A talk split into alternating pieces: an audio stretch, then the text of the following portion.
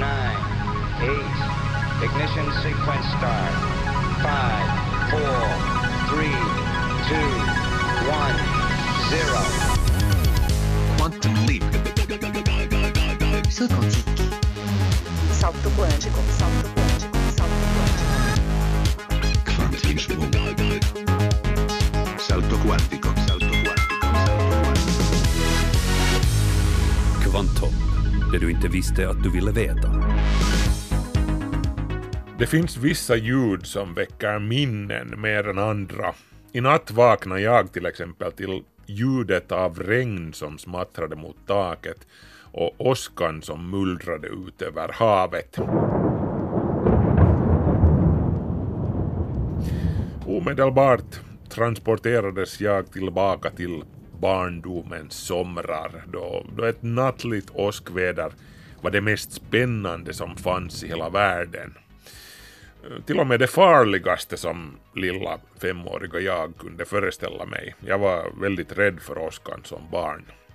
Nu som 50-åring så inser man ju hur trygg en tillvaro trots allt var då när det farligaste man kunde föreställa sig var nattliga åskväder. Jag menar visst är ju åskan farlig om man står mitt ute på en golfplan med järnnian i högsta hugg medan det åskar eller om man sitter i en liten segelbåt ute på öppna havet. Det är en miljard kjol eller så i en blixt energi alltså.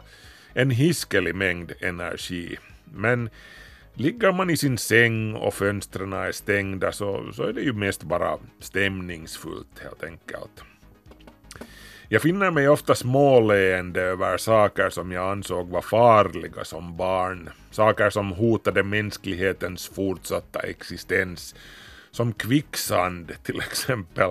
Som liten var jag på riktigt övertygad om att folk gick ner sig i kvicksand hela tiden. Och om ingen gjorde någonting åt saken så skulle vår civilisation snart vara hotad av kvicksanden. Jag har funderat på varifrån det kom det här men sannolikt så var det Tarzan-filmerna som jag tittade på som barn. Där var det alltid någon vacker dam som gick, gick sig ner i kvicksanden och, och blev räddad i sista stund av Tarzan som kom svängande i en lian. En annan sak som hotade mänskligheten var ju förstås Bermuda-triangeln. Alla som hade läst Biggles-böckerna visste hur livsfarlig Bermuda-triangeln var. Den slukar ju flygplan och fartyg som popcorn, Sådär bara fullkomligt ohållbart. Någon måste göra någonting åt det här innan vi alla går åt pipan i Bermuda-triangeln. Ja, som sagt, det var då det. Som 50-åring småler man ju åt sånt här och, och drömmer om en värld där det farligaste som finns på riktigt skulle vara kvicksand och Bermuda-triangeln. Och nattliga åskväder förstås. I det här programmet ska det handla om någonting mycket farligare än Bermuda-triangeln och, och det där kvicksand. Svarta hål. Vad ser man om man hoppar in i ett svart hål baklänges? Medge att du alltid har velat veta det. Och så ska vi besöka våtmarken Everglades i södra Florida i USA tillsammans med Albert Ernroth. En av landets största nationalparker finns också med på Unescos världsarvslista. Men Everglades hotas nu av stigande havsnivåer och torka.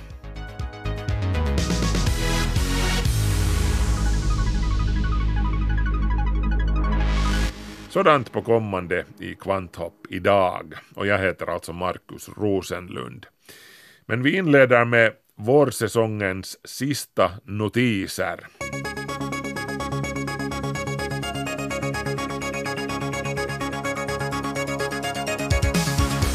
När coronaviruset stängde fabrikerna och människorna stannade hemma i våras, då sjönk också utsläppen av växthusgaser. Som mest låg de globala utsläppen 17 procent under 2019 års nivåer. Det här skedde i april. Men nu, då världens ekonomier startar upp igen, ökar utsläppen igen med rask takt. Utsläppen för början av juni låg 5% under 2019 års nivåer enligt siffror från Global Carbon Project. Det var väntat att utsläppen skulle öka då nedstängningarna upphävs, säger Rob Jackson som är professor vid Stanford-universitetet och ordförande för Global Carbon Project, men tillägger att det ändå är anmärkningsvärt hur fort det sker. Utsläppen har hur som helst totalt minskat med en och en halv miljarder ton i år jämfört med i fjol. Det här är ett nytt rekord för ett enskilt år. Det är dock värt att notera att koldioxidhalten i atmosfären inte har minskat, trots att utsläppen har gjort det. Koldioxid är en seg växthusgas då den en gång släpps ut. Vilken är den värsta lukten som existerar? Kemister som vet sånt här säger att det är isocyansyra, en kemisk komponent som används bland annat inom läkemedels och den kemiska industrin, dock i allt mindre utsträckning just på grund av stanken. Jag skulle hellre bo i en hink med avföring resten av mitt liv än att lukta på isocyansyra i en minut, säger en kemist som Teknika Talaus Talous citerar. Omänskligt, grymt, som döden, luktar som Godzillas fotsvett, säger andra. Personer som har råkat utsättas för läckt isocyansyra berättar om utrymningar av hela byggnadskomplex samt huvudvärk och kvällningar för de utsatta som har pågått flera dagar. Lukten sägs vara så hemsk att bara minnet av den gör folk spyfärdiga långt efteråt.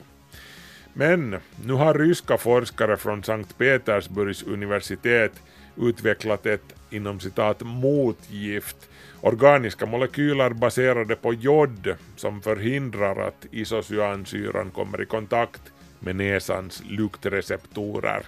Så hurra för det! Fotbollen har likt andra lagsporter varit på undantag under coronaisoleringen. Men nu börjar de stora fotbollsligorna så småningom komma igång igen, dock utan publik. Man spelar tills vidare främst inför tomma läktare. Spaniens La Liga är inget undantag i det här fallet. Fast där har man tagit till ett lite udda knep för att göra det hela mer spännande. Digitala knep närmare bestämt. La Liga anlitade det norska sändningsbolaget Visert som nu har gett matcherna en inom citat virtuell fanupplevelse. Det vill säga man har på digital väg redigerat in en konstgjord publik på läktarna inklusive ljudet av fejkat hejande och allt det där andra i ljudväg. Det låter ju inte som någon dum idé direkt men efter att ha sett snuttar av det hela på Youtube så håller jag nog med kritikerna som säger att det ser bara korkat ut, som från ett dåligt videospel från 00-talet.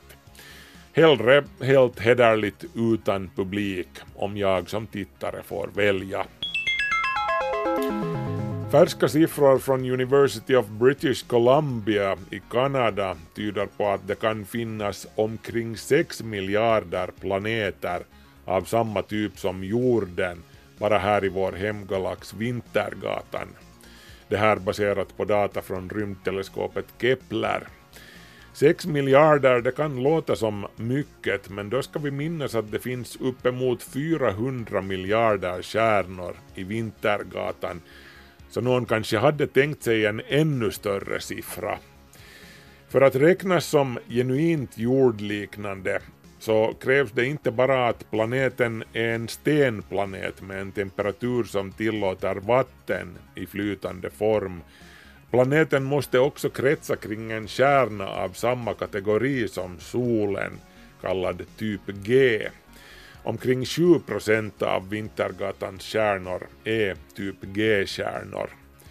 Och av dem beräknas alltså var femte ha en jordliknande planet.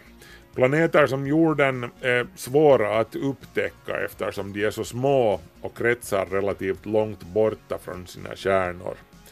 Och som sagt så är de relativt sällsynta. Så vi ska kanske ta bättre hand om den som vi bor på.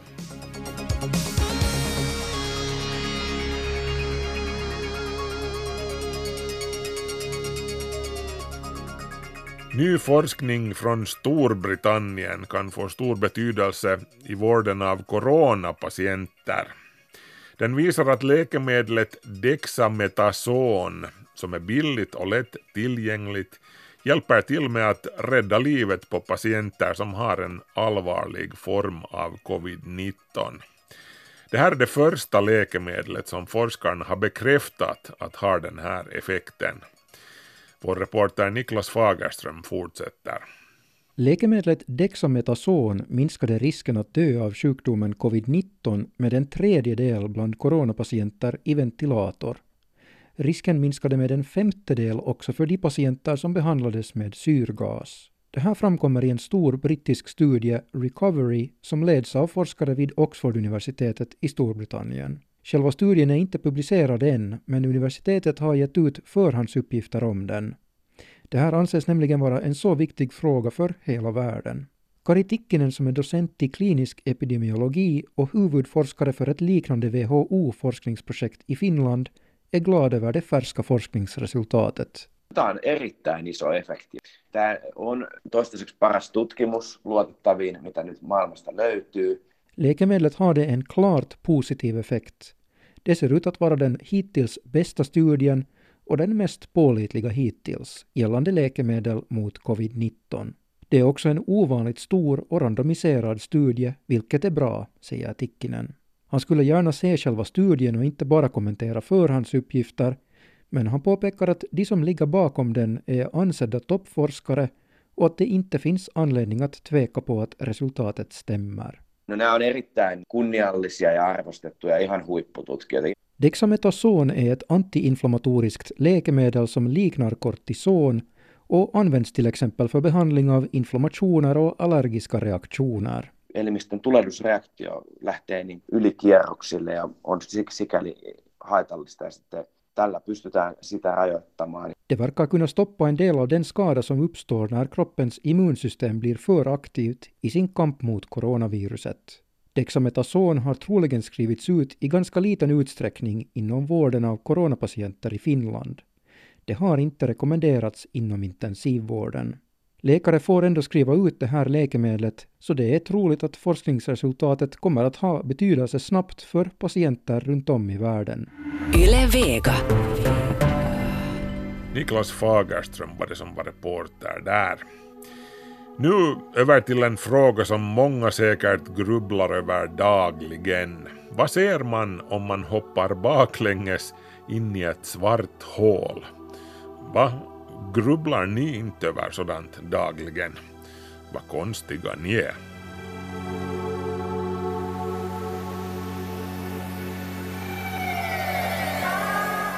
Tidigare i våras talade jag om hur länge det skulle ta att köra till månen med bil med 100 kilometer i timmen. Det skulle ta ett drygt halvår ungefär. Men jag stannade inte där. Jag placerade den udda rymdresenären i sin lodrätomobil, en fiktiv rymdanpassad personbil som ignorerar det faktum att du inte kan köra bil i rymden. Och sen lät jag föraren köra till solen, till Mars, till Neptunus, till och med till Andromeda-galaxen. Och då snackar vi redan restider på miljoner eller miljarder år. Som sagt med 100 kilometer i timmen.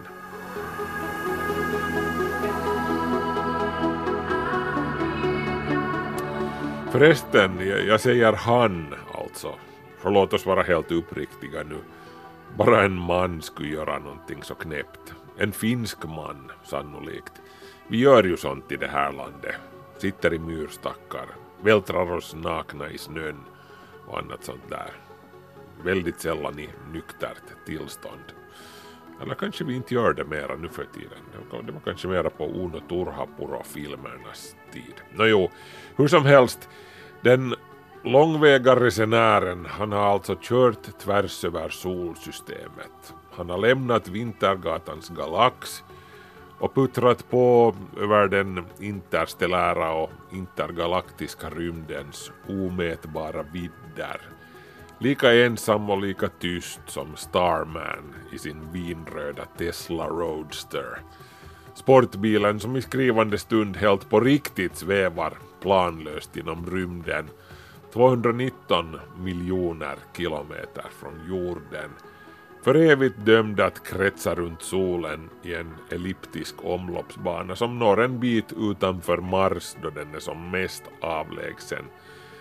Eh, Starman, så heter alltså den här inom citat passageraren i bilen som SpaceX använde som testfrakt då de provflög sin tunga bärraket Falcon Heavy i februari 2018. Jag menar kom igen nu, medge att du också skulle göra någonting sånt om du var en excentrisk miljardär med både en egen bilfabrik och ett eget raketföretag som Elon Musk.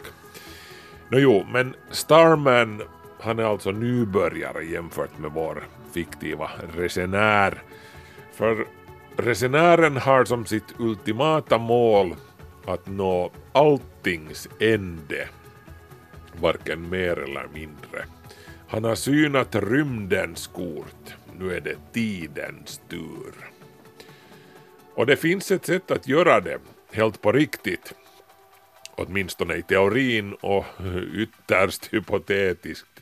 Och med nästan noll chanser att lyckas. Men resenären menar att han kan leva med de oddsen.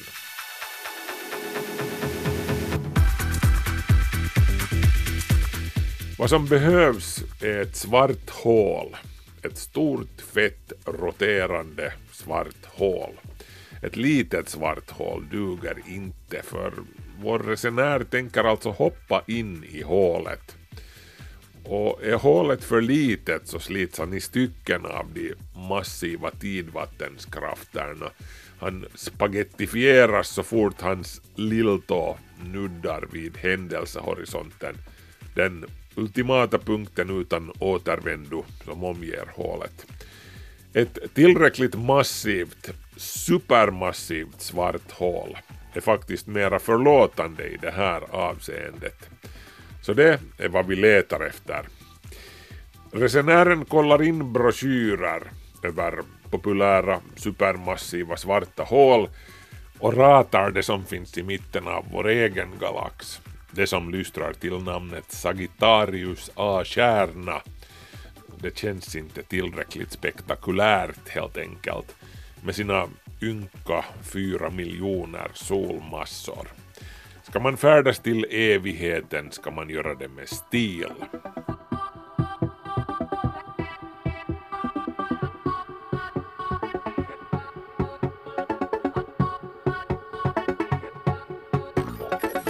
Så resenären rattar in adressen för ett av de största supermassiva svarta hål som vi känner till i navigatorn i sin lodrätomobil.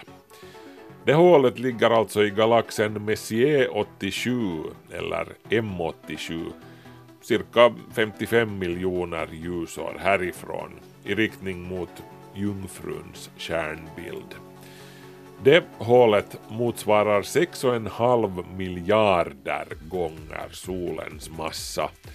Allting inklämt i en sfär ungefär lika stor som vårt solsystem, ut till Plutos omloppsbana ungefär. 2019 blev det här svarta hålet det första i sitt slag som lät sig fångas på bild eller åtminstone den plågade materian som virvlar runt hålet innan den sugs in. Själva hålet ser man inte på bilden, bara dess skugga. Resenären kunde, om han ville, köra dit den långa vägen såklart, men han börjar bli otålig nu. Han har sett mer än sitt lystmäte av den intergalaktiska rymden vid det här laget och det är mest bara tomhet. Så han letar reda på en lämplig Einstein-Rosen-bro, det vill säga ett maskhål, och kör igenom.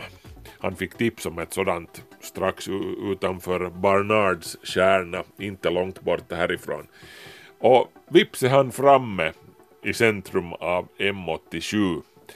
Nu är det dags att förverkliga den djärva planen. Operation härifrån till evigheten.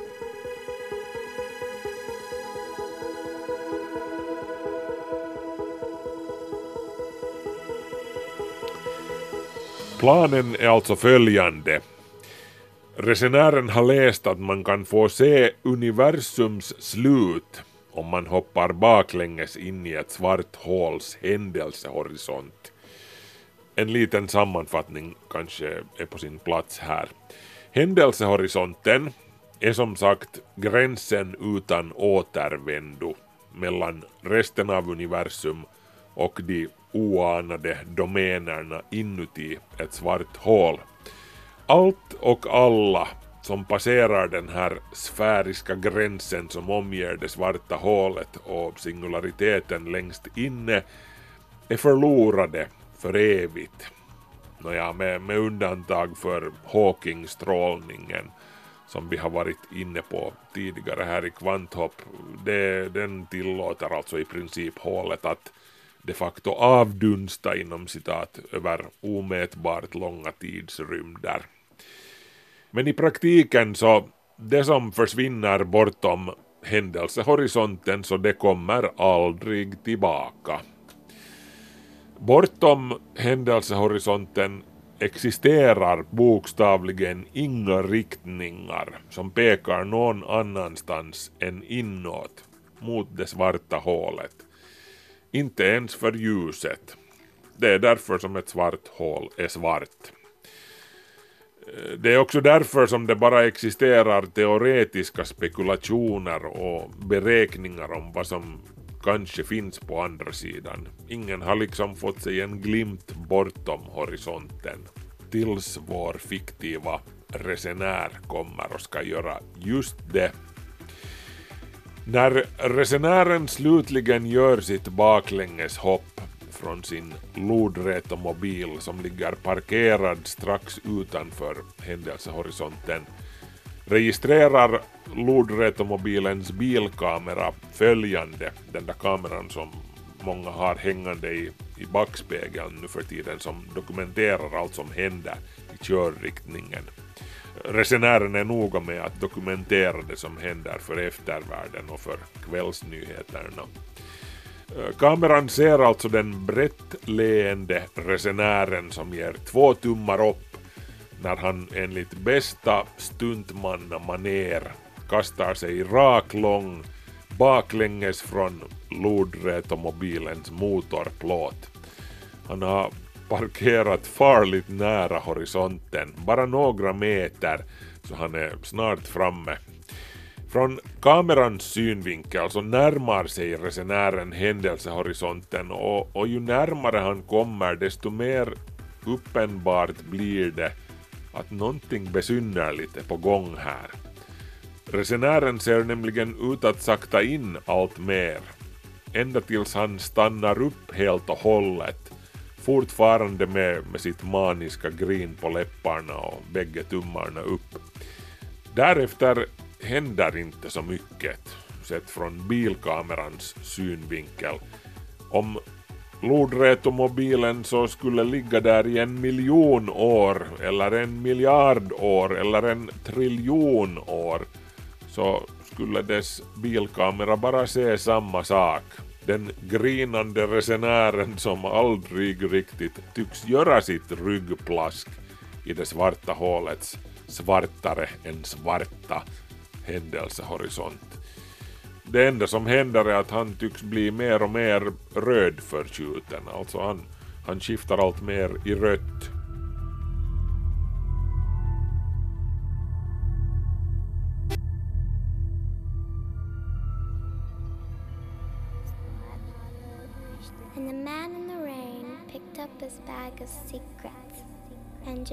Up the mountainside, far above the clouds, and nothing was ever heard of him again. Except for the sound of the tubular bells. Resenären själv, han upplever det hela väldigt annorlunda. Han märker i princip ingenting avvikande när han passerar händelsehorisonten. Det vill säga, tiden förflyter helt normalt, så vitt han upplever det. Vi kan tala om hans egen tid. En minut av hans egen tid är exakt lika lång som den var när han satt bakom ratten i lodrätomobilen i tomma rymden eller hemma på bastulaven. Det är så som den Einsteinska relativiteten funkar. Det finns ingen universell tid, inget universellt nu. Allt beror på hur fort du rör dig i förhållande till någon annan. Rör din raket sig riktigt fort i förhållande till din kompis raket, vi snackar hastigheter schysst nära ljusets, så kommer det för kompisen att se ut som om du rör dig långsamt där inne, som i ultrarapid då du passerar. För dig kommer kompisen i sin tur att se ut att gestikulera sådär komiskt snabbt från fönstret på sin parkerade rymdfarkost som i gamla stumfilmer. sådär jättefort och ryckigt. Ni upplever hur som helst båda det hela ur er egen synvinkel helt normalt. Era respektive inom citat egentider förändras inte. Så med andra ord, när resenären nu har hoppat in i händelsehorisonten så passerar han den helt normalt enligt sin egen tid. Men eftersom han i praktiken når ljusets hastighet och han når händelsehorisonten snabbas den omgivande rymdens händelser upp bisarrt mycket ur hans synvinkel. Resenären, som alltså ser bakåt hela tiden medan han faller, faller alltså i praktiken in i framtiden för varje tänkbar händelse i universum utanför. Allt som någonsin kommer att falla in i det svarta hålet kommer han att se under den följande minuten eller två av hans egen tid. Det här inkluderar också allt ljus som någonsin kommer att falla in i hålet. Resenären kommer med andra ord snart att se det sista ljuset från den sista kärnan som slocknar i universum i slutet av Big Chills kärnera om otaliga, otaliga miljarder, miljarder år. Vi var inne på det här också här i Kvanthopp tidigare. Vänder han sig om för att glutta lite i fallriktningen åt det håll dit han är på väg så kan han se allt annat som någonsin har fallit in i hålet framför sig.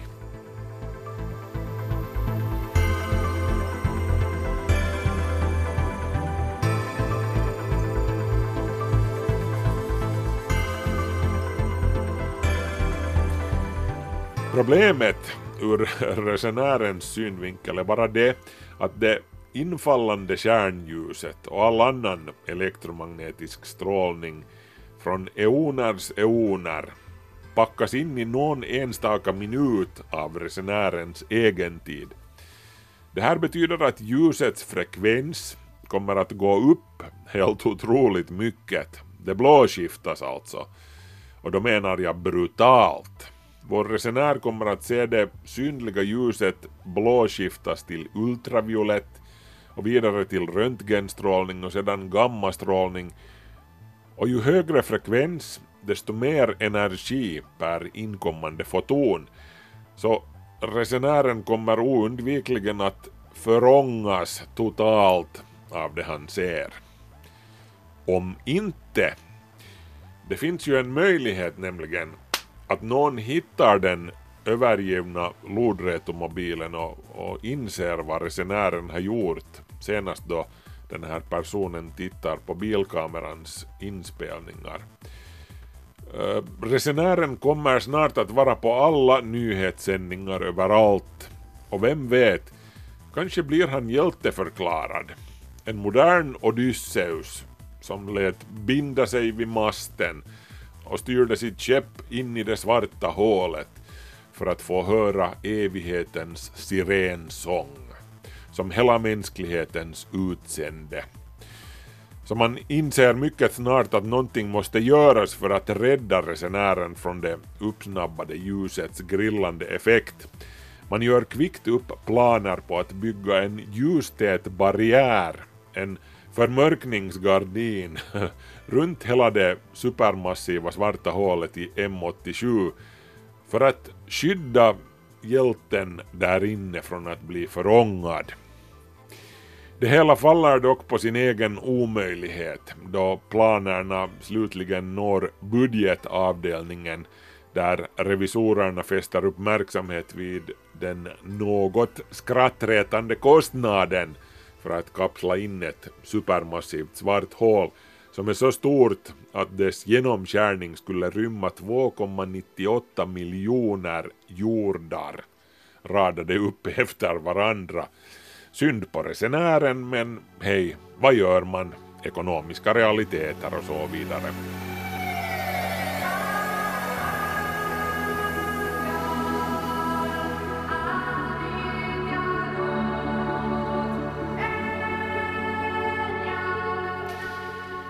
Lika bra så skulle säkert resenären själv konstatera under sina sista ögonblick. För det skulle ju helt och hållet motverka hans syfte. Han har gett sig ut för att se den sista stjärnans sista ljusglimt och den bortre änden av själva evigheten. Han vill uppleva universum ur en fotons, en ljuspartikels, synvinkel. Resenären har maskat sig fram i löjligt låga hastigheter över en sist och slutligen ganska liten bit av kosmos. Resenären har börjat avundas fotonerna. Han vill se hur de upplever universum och tiden. Grejen med fotoner är att de inte upplever tid alls nämligen. Även om vi kan se det till exempel som att det tar en miljon år för en foton att färdas över en distans på en miljon ljusår så är det som om ingen tid alls har förflutit för fotonen själv.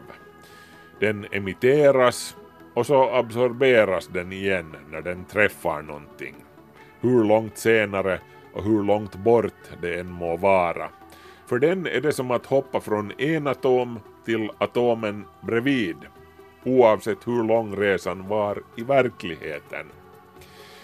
Låt oss lämna resenären med den här sista tanken, härifrån till evigheten. För enligt hans egen tid så har han knappast värst långt kvar innan det är ridå för alltid. Singulariteten nästa för vår modiga resenär. Eller åtminstone för massenergin som hans kropp bestod av. Synd att han inte kan rapportera om all den härliga nya fysik som han stöter på på vägen dit in.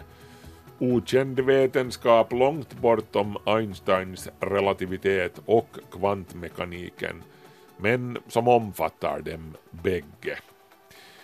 Vaya con Dios, resenär. Framtida skyddshelgon för alla som inte är säkra på om de drog ur stryklodet innan de åkte hemifrån i morse.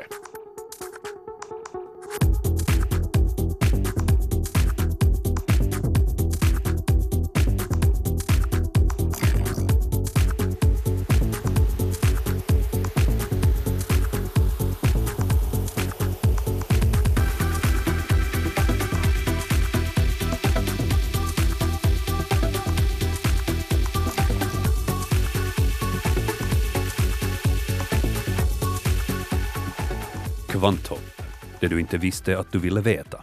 Tillbaka till jorden nu. Everglades i södra Florida är en av USAs största nationalparker och finns också med på Unescos världsarvslista. Everglades lockar turister men uppfyller också en mycket viktig funktion som kolsänka och vattenrenare. Dessutom är ju våtmarken en väsentlig vattenresurs för 7 miljoner invånare längs med Floridas östkust. Men den här nationalparken hotas av stigande havsnivåer och torka som uppstår för att våtmarken numera är helt beroende av nederbörd. Albert Ernroth besökte förra året Everglades och talade med en ekolog som är involverad i flera statliga projekt som försöker återställa det naturliga vattenflödet. It's a 50 mile wide river of grass. It's the water supply for the millions of people that live along the lower East Coast.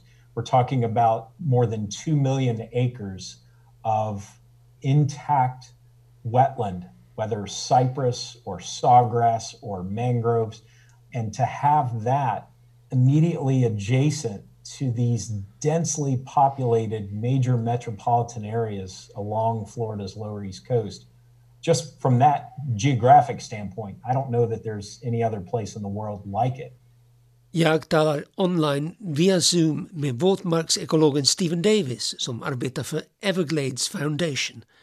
Davis förklarar att största delen av Everglades nationalpark består av en 80 kilometer bred flod. Det är inte ett träsk.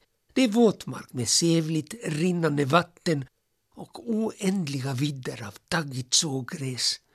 Våtmarker dominerar södra Floridas landskap men det finns också naturtyper som savann och trädungar med cypresser, videträd, magnolior och vid kusten hittar man mangroves. Både växt och djurlivet är fantastiskt artrikt. Att en sådan värdefull naturmiljö kan existera intill en tättbefolkad metropol som Miami är fullständigt unikt. Everglades är mer än bara en nationalpark. Det är en väsentlig naturtillgång. Under Everglades och Miami ligger Biscayne-akvifern, södra Floridas viktigaste dricksvattenresurs.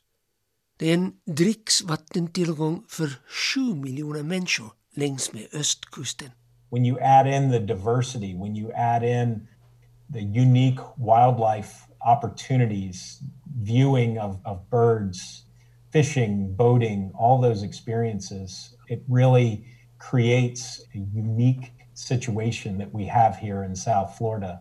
Den biologiska mångfalden beror på att Everglades klimat är er subtropiskt i norr och tropiskt i söder och därför attraherar djur och växter som trivs i en av zonerna, eller båda. Området är dessutom populärt bland fågelskådare, sportfiskare, paddlare, ja, turister i största allmänhet. It's also quite unique in terms of its vulnerabilities.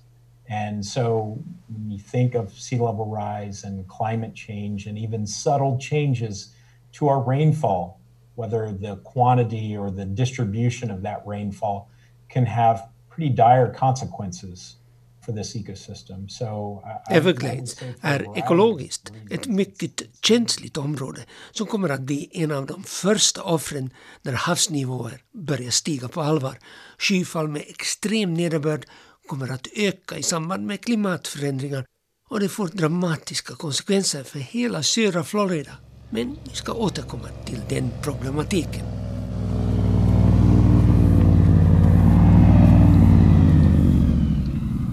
Så här låter en airboat. Många lyssnare har förmodligen sett bilder på dessa flatbottnade båtar som drivs av en luftpropeller och nästan svävar över ytan.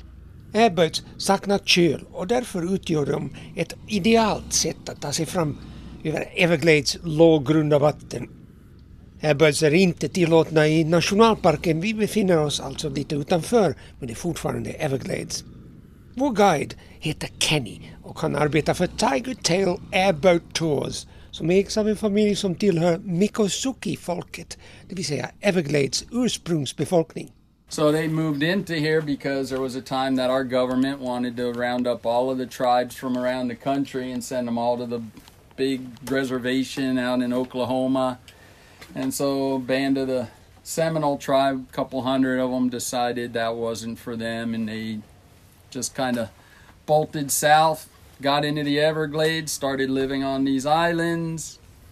Mikosuki-indianerna tillhör Seminole-stammen. De bosatte sig under 1700-talet i norra Florida men småningom drevs de söderut av andra stammar och vita nybyggare. På 1800-talet försökte staten tvinga indianerna att flytta till ett reservat i Oklahoma. Men hundratals Seminoles lyckades fly till en obebodd, praktiskt taget otillgänglig del av Everglades. Amerikanska armén gjorde våldsamma försök att fördriva indianerna men efter ett antal blodiga sammandrabbningar gav militärerna upp. Seminole-stammen, som snabbt anpassade sig till sin nya omgivning, började småningom kalla sig för Mekosuki. Under vår båttur angör vi en av öarna där de bosatte sig. Idag finns där ett kulturcentrum. Men stammens medlemmar bor inte längre i Everglades. In the Everglades, as of the 1970s, there's none that are living on the islands anymore. They moved into the communities, into regular housing. Förutom airbirds brukar man förknippa Everglades med alligatorer. Vi åker praktiskt taget svävar i rasande fart genom våtmarken. Det är bästa sättet att undvika myggen. Alligatorer brukar inte vara särskilt farliga. De är inte intresserade av människokött. Men i Everglades finns det också krokodiler. Florida är enda stället i världen där alligatorer och krokodiler delar samma ekosystem. In the Everglades, there are crocodiles. So in the Everglades system, it's not only fresh water. This is all fresh water running through here. But you get some parts of the Everglades that are brackish water, which is the mixture of the fresh and the salt, where in those areas you can actually find alligators and crocodiles. So it's the only place in the world where you can find the two of them, you know, in the same vicinity. Everglades har både söt och saltvatten. Saltvatten tränger in från havet. En blandning av dessa två bräckt vatten förekommer också. Krokodiler föredrar saltvatten och håller sig därför för det mesta till kustområden. Men de trivs också i brackvatten. Alligators are very solitary animals, and in this part of the Everglades is where you really see it. Other parts of the Everglades do get much drier than this part, and so when it dries up, they got to start sharing water more. Out here, they've got plenty of water. They can, you know, keep their territory, keep their solitary kind of nature about them. Vi har stannat för att titta på en mindre alligatorhona som vaktar sitt näste byggt med såggrästuvor på en upphöjning. Några ungar syns också. Men mamma alligator tröttnar på våra mobiltelefoner och påträngande nyfikenhet. Hon börjar väsa hotfullt. Alligatorer är mycket territoriella and they start making a lot of racket, and then she really will get on the move to see what's going on. Jag besökte Everglades under den våta perioden som varar från maj till oktober. Det är inte den populäraste turistsäsongen eftersom myggorna då härjar som värst. Steven Davis berättar att den torra perioden, som vanligtvis varar från november till april, i år var ovanligt nederbördsfattig. Förra året slutade den våta säsongen alldeles för tidigt, mer eller mindre i september. Det var inte en katastrofal rekordtorka, men grundvattennivån under Miami sjönk ganska drastiskt. Som sagt, miljontals Floridabor får sitt dricksvatten från Everglades. It's just that we've artificially made the Everglades drier than it was historically. So we see more frequent and more severe fires than occurred historically. We dry these areas out so much so that the soils catch fire and you can burn history over a very short period of time in some of these habitats to where you lose Steve Davis igen. Savannen, skogsdungar och så kallade trädöar har blivit lättantändliga och i år var bränderna i både Everglades och angränsande Big Cypress nationalparken häftigare än vanligt. Bränder är ett naturligt inslag i södra Floridas ekosystem och många växter gynnas av brandhettan. Men Everglades har blivit torrare och nu brinner savannen och även våtmarken allt för ofta. Skadan blir förödande om torven och gräsets rötter också börjar brinna. Då förstörs på kort tid ett ekosystem som har byggts upp under flera tusentals år. Men vad beror det på att Everglades inte får ett tillräckligt stort tillflöde av vatten? Historically, it had its origins at the southern rim of Lake Okeechobee, which is a 700 square mile shallow lake in the lower central part of, of Florida. It would fill up historically in the wet season, it would spill over to the south, and it would feed what we call a river of grass. It, it is a very flat, low lying landscape. Lake Okeechobee källan till Everglades. Okeechobee ligger norr om våtmarkerna och är en av USAs största insjöar. Under den våta årstiden fylls den grunda sjön ganska snabbt och svämmade över. Sjöns avrinning gick söderut eftersom marken sluttar mot söder. Den breda gräsfloden kunde därefter ostört och i maklig fart rinna flera hundra kilometer ner till Florida Bay. Det var en ganska kontinuerlig ström året runt även under den torra perioden. That's changed because of the development of South Florida, the drainage of water away from Lake Okeechobee so that it can no longer flow south. And we also drained an area immediately south of the lake for agriculture.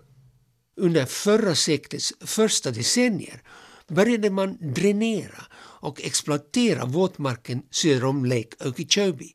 Det byggdes dammar som förhindrade det naturliga flödet och i Everglades försökte man dessutom leda vattenmängderna genom ett kanalsystem. Resultatet av utdikningen var visserligen god jordbruksmark men den hade låg hållfasthet och när det var för torrt blåste översta skiktet bort. Underlaget eroderade också utan bindande rötter. Idag odlar man söder om Okeechobee sockerrör och norr om sjön citrusfrukter. Wetlands are really good at, at filtering nutrients. They're also good at sequestering carbon from the atmosphere, and they build that uh, carbon, they invest it into the soils, and they grow these muck soils vertically over centuries to millennia. Myndigheter och bönder fick lära sig den hårda vägen att våtmarker fyller en viktig funktion. Everglades fungerar som vattenrenare, kolsänka och näringsfälla. So it's a much more of a rainfall dependent ecosystem than it was historically. So if it doesn't rain in South Florida, we run into problems. Everglades får alltså numera inga tillflöden från den stora sjön. En del avrinning kommer från jordbruksmarkerna men det vattnet innehåller fosfor, kväve och skadlig växtnäring och måste först rengöras.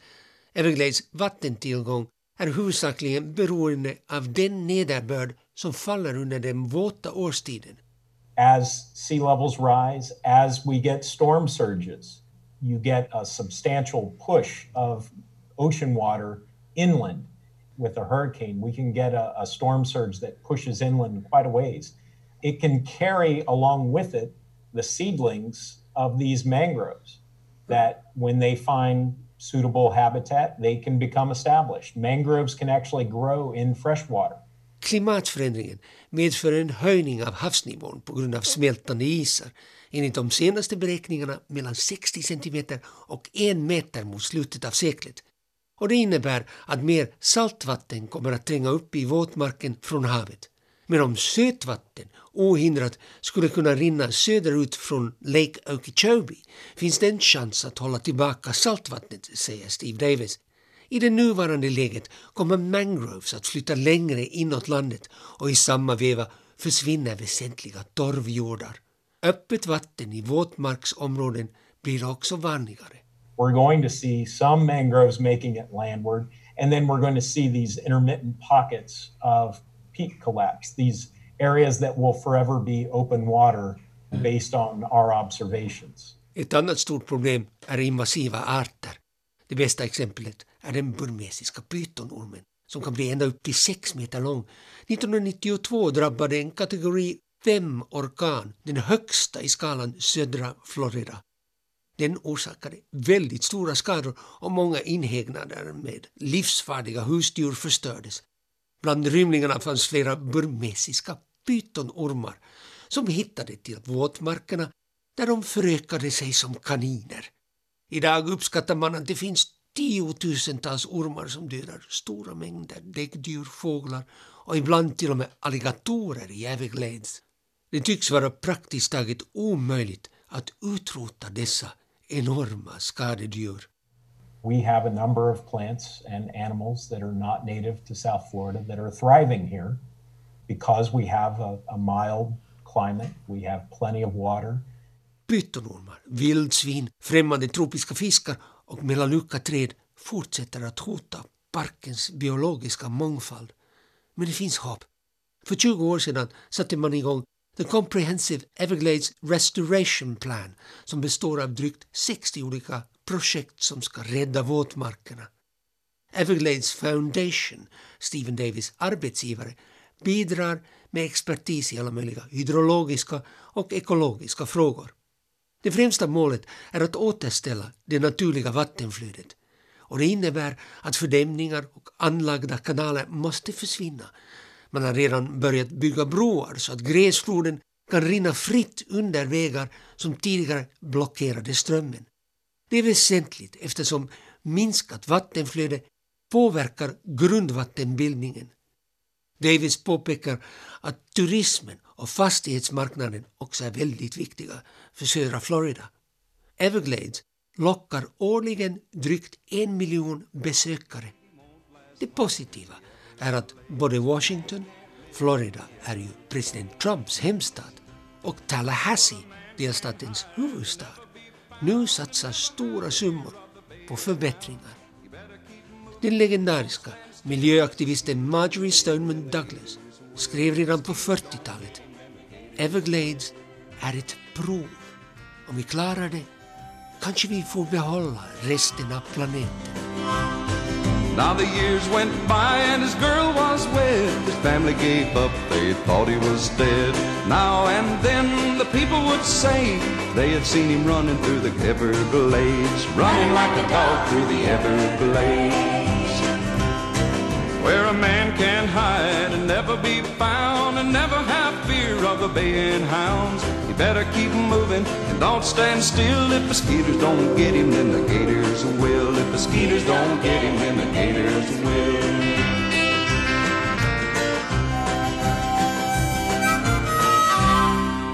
Hörde avslutningsvis Waylon Jennings sjunga The Everglades. Albert Ernroth var reporter. Åskväder kan vara riktigt spännande och välkomna element efter tryckande heta sommardagar. Men ibland kan det bli lite för spännande. Vad ska man akta sig för och vilka förberedelser borde man göra när åskan närmar sig? Vad är sannolikheten att man dör av ett blixtnedslag? Och hjälper det att ha gummistövlar på fötterna? Kommer du ihåg vad de mytologiska åskgudarna heter? Och stämmer det att åskan kan skapa diamantregn? Allt det här och mer därtill i vårt stora åskquiz som publiceras på svenska.yle.fi på midsommardagen. Gör vårt test och kolla om det är du som är sommarens åskguru.